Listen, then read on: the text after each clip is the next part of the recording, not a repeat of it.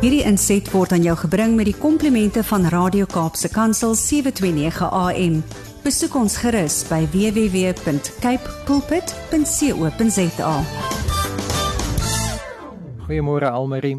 Good morning Brad. Goeie goeie dag sê aan jou wat luister. 'n Paar weke gelede het ons gesels oor boomhuise.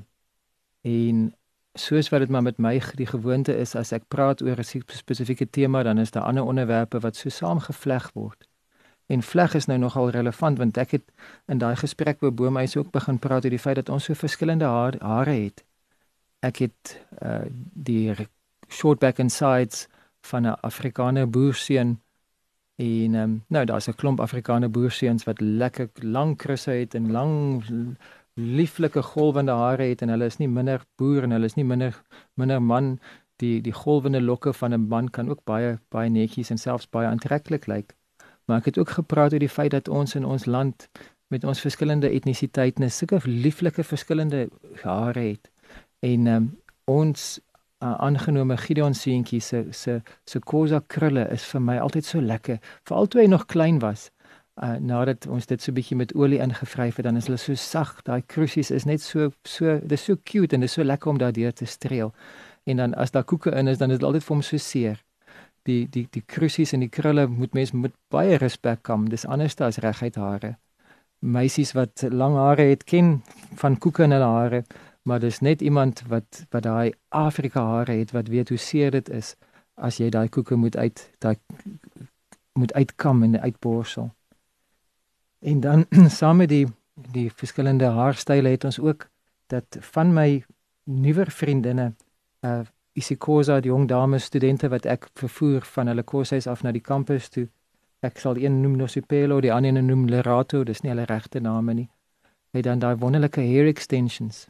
Party van hulle is die kleur baie na aan die natuurlike kleur van die hare, so lekker diep donker swart wat sommer so so hulle hare net dit wapper sommer so as hulle vir alles hulle dan nou so met met so glinster in hulle oog hulle hulle hulle kop so 'n bietjie gooi om, en hulle weet hulle is mooi.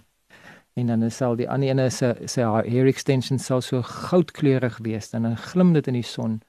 En uh, dit lyk sommer dit lyk so sommer soos die koningin van Skeba van ouds. Nou ehm um, die tema van bome en die tema van tema, tema van hare vir enige iemand wat so 'n bietjie oorsigtelike kennis het van die Ou Testament sal besef dat daar 'n man was wie se hare vir hom in terme van 'n boom gebring het by 'n plek waar hy gehang het tussen hemel en aarde en waar dit toe nou éventueel letterlik sy dood veroorsaak het. Uh as jy nog nie weet nie, dan wil ek vir jou help om te verstaan want ons gaan praat oor Absalom. Maar volpunt aan elkeen wat al reeds geweet het dat ek van Absalom praat voordat ek sy naam genoem het en in my voorbereiding toe ek nou net weer myself bietjie vergewis van waar in die Ou Testament dit staan en net so bietjie weer terugdink en so bietjie oplees toe kom ek met komplimente van oom Google agter dat as ek in Hebreëus hierdie naam uitspreek sal dit baie meer klink soos af shalom as wat dit sal klink soos ons boer boere Absalom. Af shalom wat wat beteken pa van vrede. Shalom die bekende woord van vrede. Nothing missing nothing broken. Jerusalem is Jerusalem en Shalomo is Salomo en Shalom Shabbat is wat die Jode op sê aan wanneer die son op 'n Vrydag aand sak sodat hulle gereed maak vir die Sabbat met die die, die, die daarop volgende dag die Sabbatsdag. Vrede peace Shalom. Vader van vrede is so 'n kosbare naam, maar dit is ongelukkig so ver van van sy reputasie af. Want Absalom was 'n man wat in opstand gekom het teen sy pa Dawid. Hy hy hy, hy was vyandig teenoor sy twee ouer broers. Om die waarheid te sê, hy het sy oudste broer vermoor. Dan nou as jy die storie gaan lees, kan jy verstaan hoekom hy dit gedoen het, maar dit maak dit natuurlik nie reg nie. En dan was Absalom lank gespierd en aantreklik. Hy sou in in on ons tyd sou hy definitief saam met die manne wat nou die A-list movie makers is, sal hy een van die celebrities in Hollywood wees. Sal hy gesien word met die mooiste modelle aan sy sy. Absalom was lank gespierd, aantreklik, baie vleiend en baie slinks, baie diplomaties, maar ook baie ambisieus, het hy die die volk se harte gewen en hulle probeer oortuig om eerder vir Absalom te volg as koning eerder as vir Dawid.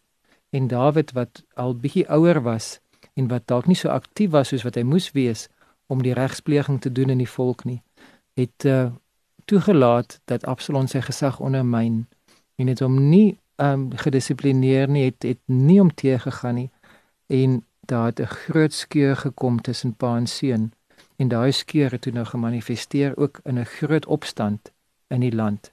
En in Israel het toe nou in 'n vorm van burgeroorlog verval en daar was 'n dag gewees wanneer Dawid en sy manskappe oorlog gemaak het teenoor Absalom en sy volgelinge.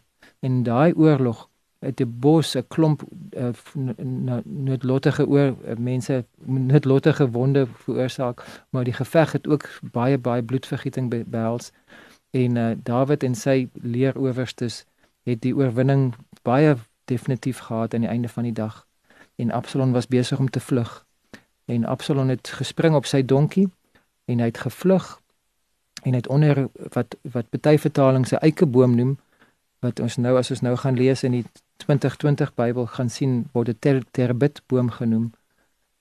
En um, Absalom moes dan nou besonder lang hare gehad het want hierdie donkie het onder die, die boom gehardloop en Absalom het miskien nie laag genoeg gebuk nie of hy het hom misreken met die mik of daar was dalk 'n tak wat verder uitgesteek het. Maar hoe dit ook al sê, daardie boom se die mik in die tak het vir Absalom se hare gegryp en dit was nie net 'n seer trek soos wat dit was met my Gideon se seun Gideon seun se hare as jy die borsel deur die hare trek dat hy vir 'n oomblik uh, daardie sterk trek op sy kopvel voel nie dit was letterlik 'n vasbyt gewees en hy het gehang en met sy volle gewig het Absalom tussen hemel en aarde gehang kom ek lees dit vir ons 2 Samuel hoofstuk 18 vers 9 Absalom het hom teen die dienaars van Dawid vasgeloop terwyl hy op 'n muil gery het. En toe die muil onder die takke van 'n groot terebintboom deurgaan, is sy hare vasgevang in die terebind. Hy het tussen hemel en aarde bly hang terwyl die muil wat onder hom was verder gaan. Een van die manne het dit gesien en vir Joab gaan vertel. En dan gaan die verhaal verder en dan is daar die hartseer van dat ten spyte van Dawid se uitdruklike bevel dat niemand vir Absalom moet seermaak nie, word Absalom tereggestel. Al hangende word hy deur boer deur pile en daarna deur 10 manne word hy wreed afgeslag tot dit dit net 'n bloederige massa is wat oorbly van van die pa van vrede, die opstandige seun. As hierdie verhaal van opstand, as hierdie verhaal van van Dawid en sy seun vir jou vasgryp, gaan lees dit in die Ou Testament, maar ek wil ook uitwys dat Jean Edwards het in die 80e jare 'n pragtige Bybelse roman geskryf met die naam van A Tale of Three Kings. En dit beskryf Saul, Dawid en Absalom se style van koningskap en dit reflekteer dan ons harte aan onsself. Wil ek vir Vader volg soos Saul, soos Absalom of soos Dawid wat 'n vriend van God was? Maar um, ek wil net so voordat ons saam bid en voordat ons hierdie gesprek klaarmaak, wil ek uit die Ou Testament uitklim en wil ek in my eie binne binne wêreldse bedrading inklim en sê my hare is te kort dat ek daaraan kan hang. Ehm um, ek sal moet hair extensions of dreadlocks kry soos wat ek ook al, ook al oorweeg het voordat my hare aan iets sal vashak. Ehm um, maar dit voel soms vir my asof ek hang tussen hemel en aarde. Asof omstandighede, uh, sommige van hulle as gevolg van my eie keuses, ander van hulle was vader instrumenteel geweest daarin om dit so op te stel dat ek nie meer op my uh, selfgemaakte seepkas kus kan staan en kan vas staan op my eie vals fondasies nie. Dit voel vir my soms asof die die mat onder my voete uitgeruk word, dat die donkie onder my aanry en ek agterbly en dat ek bly hang en dat ek letterlik tussen hemel en aarde lê en wieg heen en weer heen en weer terwyl ek wonder waar jy nou? Of wat maak ek nou? Want my binnewêreldse bedrading word gerewire soms is dit die, die groot gebeure in die om uh, samelewing wat vir my uh bedreig en wat my laat onseker voel.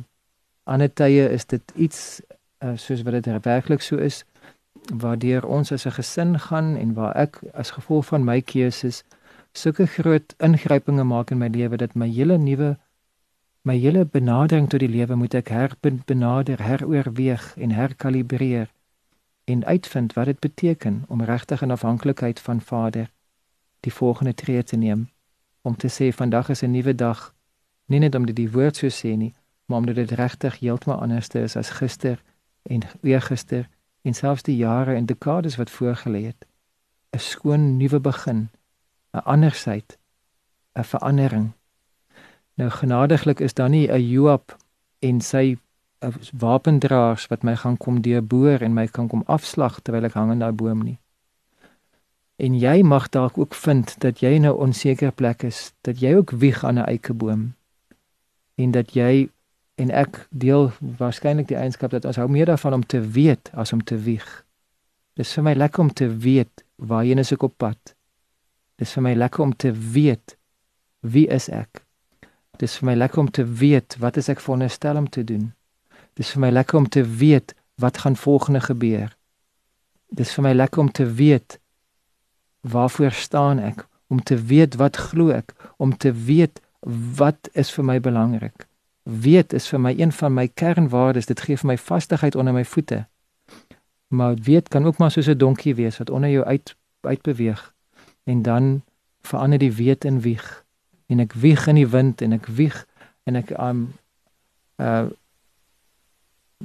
jy daai sidderende blaar waarvan ons ook al gepraat het waarvan Rich Mullins gesing het van Hold me Jesus for I'm shaking like a leaf dat ek soos 'n windgewaaide blaar wapper in die wind dat ek wieg onder 'n eikeboom wieg aan my hare van in onsekerheid wieg in in in nie weet finansiëel emosioneel uh, prakties wat moet ek vandag doen nie? Wat is my taak? Wat is my rol? Wie is ek? Wat is my identiteit dat ek wieg tussen sekerheid en onsekerheid, dat ek wieg tussen moontlikhede, dat ek wieg tussen planne, dat ek wieg tussen onsekerheid hierdie kant toe en onsekerheid daai kant toe en opsie hierdie kant toe en moontlikheid daardie kant toe en wieg tussen die advies van daardie vriend of die raad van daardie kennis en dat ek dan wieg in die wind. En wieg is baie minder veilig as weet, voel dit vir my. Maar daar's 'n ander betekenis van wieg.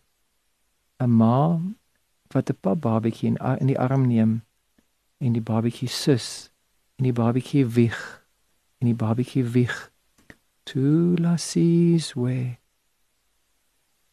om maar net die babatjie te wieg en vir die kindjie te sê ai ai ai ai sh, sh, alles is reg alles is reg. En net soos wat 'n mamma dit kan doen net 'n mamma kan dit regtig doen. Ons ons as paas kan ook ons kinders sus maar dis nie dis glad nie dieselfde nie. Daardie sagte moederstem, daardie wiegende moederarm. Die Here was so slim toe hy dit uitgedink het sodat babatjies kan veilig en warm en knus kan voel. En Vader, ons hemelse Vader is ook 'n moeder. Hy is Vader en Moeder God. Hy het al die eienskappe wat ons ooit by 'n ouer kan raak sien. Die sterk leierseienskappe en gesag van 'n pa maar ook die sagte teer vir vertederende knus, veiligheid en geborgenheid van 'n ma. Alles kan ons vind by die Here. En wanneer onsekerheid jou laat wieg in die wind, dan wil ek vir jou sê, herinner jouself dat Vader jou besig is om jou te wieg en dat jy veilig by hom is. En dat daar 'n geborgenheid is by Vader wat sterker is as die sekerheid van 'n vol bankrekening. En dat die sekerheid van om te weet ek is Vader se belangriker is as om 'n taakomskrywing of 'n titel te hê en om die die veiligheid om te weet ek is by Vader is belangriker as om te sê ek is by die regte werkgewer of ek is by die regte loopbaan of ek is by die regte pensioenfonds of my mediese fonds gaan sorg vir my. Om te weet Vader hou my vas. Ek is veilig in sy arms. Hold me Jesus. Kom ons bid saam Tula sees way. Wees stil, nasie, wees stil, wees stil land, wees stil my kind. Wees veilig in my arms. Vader God, dit is so veilig en geborge in u arms. Selfs as daar niks is waarop ek kan staan, waarop niks is waarop ek kan roem, niks is waarna kan vashou nie. As ek wieg in die wind onder die eikeboom, tussen in hemel en aarde. Hierdie inset was aan jou gebring met die komplimente van Radio Kaapse Kansel 729 AM. Besoek ons gerus by www.cape pulpit.co.za.